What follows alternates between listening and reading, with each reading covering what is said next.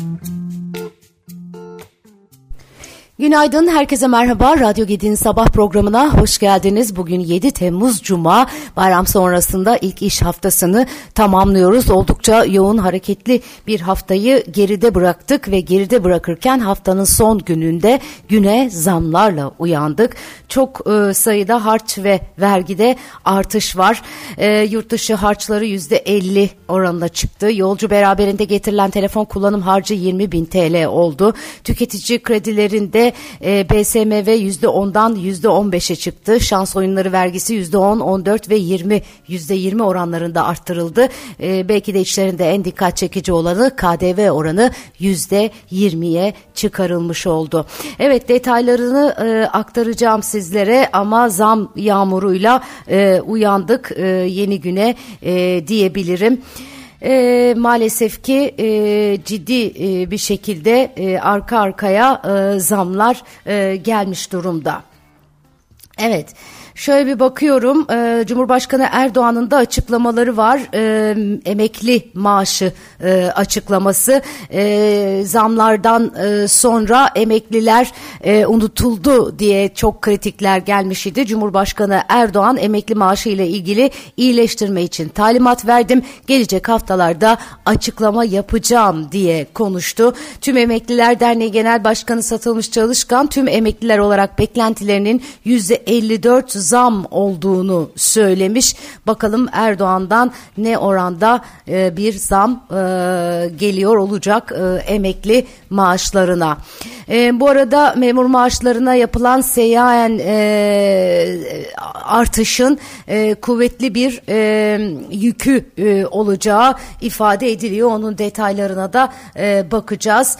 E, resmi gazetede yayınlanan Cumhurbaşkanı kararıyla 492 sayılı harçlar kanuna bağlı tarifelerde yer alan maktu hariç tutarı %50 arttırıldı. Yolcu beraberinde getirilen telefon kullanım e, izin harcı ise yüzde e, pardon 20 bin TL oldu.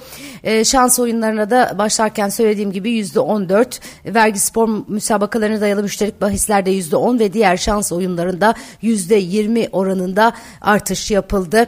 E, yargı, noter, vergi yapısı, tapu ve kadastro, konsolosluk, pasaport, ikamet tezkeresi, çalışma izni, çalışma izni muafiyeti, vize, Dışişleri Bakanlığı tasdik, gemi ve liman, imtiyazname, ruhsatname, diploma ve trafik harçlarını kapsayan 492 sayılı harçlar kanununa bağlı tarifelerde yer alan maktu harçlara %50 oranında artış yapıldı. Her şeye her şeye zam geldi. Evet katma değer vergisine artış yapılmasına ilişkin Cumhurbaşkanı kararı da resmi gazetede yayınlandı. Bu arada bütün bu e, kararların e, e, sabah karşı 3'te resmi gazetede yayınlandığını gördük. O da enteresan oldu. Mal ve hizmetlerde uygulanan %18'lik katma değer vergisi %20'ye çıkarıldı. Bazı mal ve hizmetler için uygulanan %8'lik KDV ise %10'a yükseltildi sevgili arkadaşlar. Evet, e, Cumhurbaşkanı Erdoğan e, emeklilikle ilgili açıklamalarını yaptı. Yine Erdoğan e, demiş iken e, Vladimir e, Volodymyr e, pardon Zelenski'nin e, Türkiye'yi ziyareti yine bugünün notları içerisinde. E, bu da e, yine bugün manşetlerde. Şimdi tekrar ekonomiye dönüyorum. Seyyanen zammın bütçeye maliyetinden bahsediyordum size. 180 milyar TL olarak hesaplanmış. Yılın ikinci yarısında geçerli olmak üzere maaşlara 8077 lira düzeyinde yapılan seyyanen zammın aylık maliyeti 29 milyar 984 milyon, milyon lira. Yıl sonuna kadar toplam maliyeti ise 179 milyar 904 milyon lira olacak. Enflasyon alım gücü eriyen tatilci otelde yıldız düşürdü diyor bir başka haber. Yerli turist artık daha düşük segmentli otelleri tercih ederken lüks otellere yabancı ilgisi sürüyor. Ulaşımın da yüklü maliyet olması yakın destinasyonları da ön plana çıkarmış durumda. Evet, e, Emlak Konut Genel Müdürü Hakan Gedikli görevi Cengiz Erdem'e devretmiş. E, Ticaret Bakanlığı ikinci elde fiyattan sıfır atılarak verilen araç satış ilanlarına para cezası uygulayacağını açıkladı. 1 Ocak 2024 tarihine kadar ikinci el motorlu kara taşıtlarının üretici veya distribütör tarafından tavsiye edilen güncel satış fiyatının üzerinde bir fiyattan ilan yoluyla pazarlanması ve satılması yasaklandı. Tabii hep e, bütün hikaye tezgah altına kayıyor. E, maalesef maalesef ki e, bu yasaklar e, ne kadar e, etkili olacak e, herkes bunu e, konuşuyor. E, hani amiyane tabiriyle Türk insanı bir yolunu bulur e, diyorlar. Sadece ilanlarda verilen e, rakamların değil e, başka e, yollarla da e, bu sürecin e, devam edeceği e, yine öngörüler arasında. Evet yani zamlar zamlar zamlar yani onlardan başka bir şey yok manşetlerde diyebilirim. Gerçekten çok e, sıkıntılı bir e, güne e, ulaştık. Evet. Ukrayna Devlet Başkanı Volodymyr Zelenski Türkiye'ye geliyor demiştim. Cumhurbaşkanı Recep Tayyip Erdoğan'ın daveti üzerine bugün İstanbul'a gelecek. Ee, epey bir trafik yoğunluğu da olabilir. Dikkat edin İstanbullular. Alınan bilgilere göre Ukrayna Devlet Başkanı Zelenski bugün Türkiye'ye bir çalışma ziyaretinde bulunacak. Ziyaret kapsamında Cumhurbaşkanı Erdoğan'la Ukrayna Devlet Başkanı Zelenski baş başa ve heyetler arası görüşmeler gerçekleştirecek. Görüşmelerde Rusya-Ukrayna savaşı ile ilgili son gelişmeler süresi 17 Temmuz'da dolacak Tahıl Koridoru Anlaşması ile iki ülke arasındaki ilişkiler ele alınacakmış. JP Morgan Türkiye'nin yakın vadeli dış borcu ve cari dengesini konu alan bir rapor yayınlamış. Kurum Türkiye'nin kalıcı cari açığının yarattığı dış finansman ihtiyacın 2023'ün ilk çeyreğinde tartışmalara neden olduğunu söylüyor. 2022 yılında 48.4 milyar dolar olan 12 aylık cari açığın Nisan 2023 itibariyle 57.8 milyar dolara yükseldiğini kaydediyor. E, Cumhuriyet, e, Türkiye Cumhuriyet Merkez Bankası'nın altın rezervleri dahil brüt rezervlerinin cari açık ve yerel faktör faktörler nedeniyle 30.3 milyar dolar azalarak 98.5 milyar dolara gerilediği ancak döviz rezervlerinin Haziran ayında yükselmeye başladığına dikkat çekilmiş. Öte yandan önümüzdeki 12 ay için 19 milyar dolarlık bir dış finansman açığı da öngördüklerini fakat yeni ekonomi yönetimiyle doğrudan yabancı yatırımların daha güçlü şekilde gerçekleşmesi ve bazı portföy girişlerinin bu açığı daha da küçültebileceği kaydediliyor.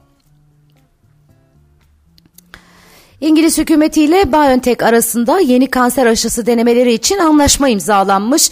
BioNTech CEO'su Uğur Şahin çalışmanın başarılı olması halinde bu işbirliği sadece İngiltere'de değil tüm dünyada kanserli hastaların, hastaların sonuçlarını iyileştirme potansiyeline sahip diye konuşmuş. İngiltere hükümetinden yapılan açıklamada amacın 2030'a 30'a kadar 10 bin kadar hastanın kişiselleştirilmiş tedavilere erişimini sağlamak olduğu belirtilmiş. Kişiselleştirilmiş kanser aşısı denemelerine katılma seçeneği sunulacak olarak kanser hastalarından veri tabanı oluşturulacağı belirtiliyor. Çalışmanın erken ve geç evre kanserli hastalara yardımcı olmayı amaçladığı başarılı olması durumunda kanser aşılarının standart tedavinin parçası haline gelebileceği vurgulanmış.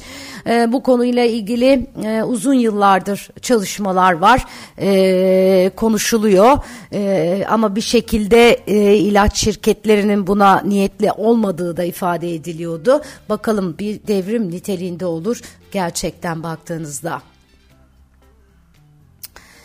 Evet, e, Amerika'da dış ticaret açığı Mayıs ayında e, azalma göstermiş. Bitcoin 13 ayın en yüksek seviyesini test etmiş. Kahve fiyatlarının son 5 ayın en düşük seviyesinde olduğunu gösteriyor rakamlar. Kahve fiyatları Brezilya'daki hasadın dünya genelindeki arzı karşılaması ile Ocak ayından bu yana en düşük seviyeyi gördü. Kahve fiyatları en son 11 Ocak 2023'te en sert düşüşünü yaşamıştı. Arabica kahve vadeli işlemleri dün %1,8'e kadar düşüş gösterdi. E, bu da e, yine e, emtia piyasaları tarafında en çok e, konuşulan e, konulardan bir tanesi. Evet e, bu Merkez e, Bankası'na devredilen KKM yükü e, epeyce bir e, tartışma yaratmıştı. Bugün Ekonomim Gazetesi'nde bununla ilgili uzmanların görüşleri var.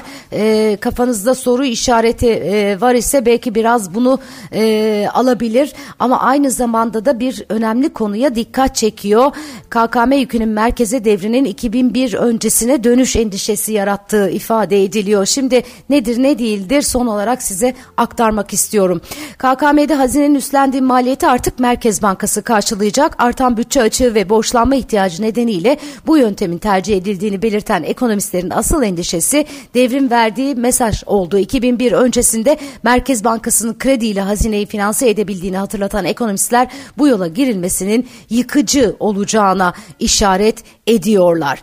Ee, ekonomist Fatih Özyatay bu devrin verdiği mesajın çok daha önemli olduğuna dikkat çekerken bu hamleyle bence siyasetçiye bir teşvik vermiş olunuyor. Böyle bir imkan var. Merkez Bankası orada duruyor. Sen ileride bunu kullanabilirsin diyor. Devri tasarlayan bunu düşünmüyor olabilir ama siyasetçi bunu kullanabilir. Eskiden vardı bütçe harcamalarını Merkez Bankası'nın finanse etmesi. Bugün KKM'yi finanse eder, diğer gün maaş ödemelerini. Merkez Bankası'ndan kredi alarak finanse edebilirler. Bir de faiz var. Niye faiz ödesin hazine? Yine burada Merkez Bankası duruyorken bunun yapılması çok yıkıcı olur Türkiye için. O zaman gerçekten Arjantin'e dönme ihtimali artar. Bunun yapılacak olduğu anlamına gelmiyor ama siyasetçi çok sıkışırsa yapabilir. Bunun için yasa değişikliği gerekiyor. 2001 yılında Merkez Bankası'nın kısa vadeli e, kredileri yasaklanmıştı.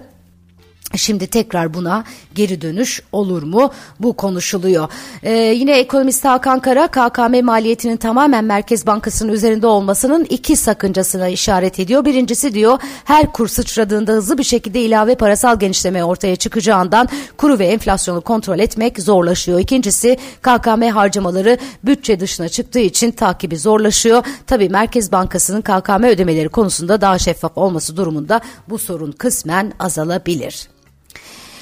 Evet, e, 2001 e, öncesinde işte e, olan duruma e, geri e, dönme e, riski e, nelere yol açabilir? E, bunun detayları var. E, Merkez Bankası'nın para basması ihtimalinden bahsediyor. Top Etü öğretim üyesi doçent doktor Atalım Murat. E, Merkez Bankası'nın para basması enflasyon yaratacak. Ayrıca ücret artışları ve kurdaki artışın muazzam enflasyonist etkisi var ve kurlar düşecek gibi durmuyor. Bir de üzerine Merkez Bankası'nın finanse edecek olması enflasyonist etkide yaratacak deniyor. Oysa ki amacımız enflasyonu düşürmek öyle değil mi? İnşallah kaş yaparken göz çıkarmıyoruzdur. Evet şimdiden güzel bir hafta sonu diliyorum herkese. Pazar sabahı yine aynı saatte görüşmek üzere. Hoşçakalın.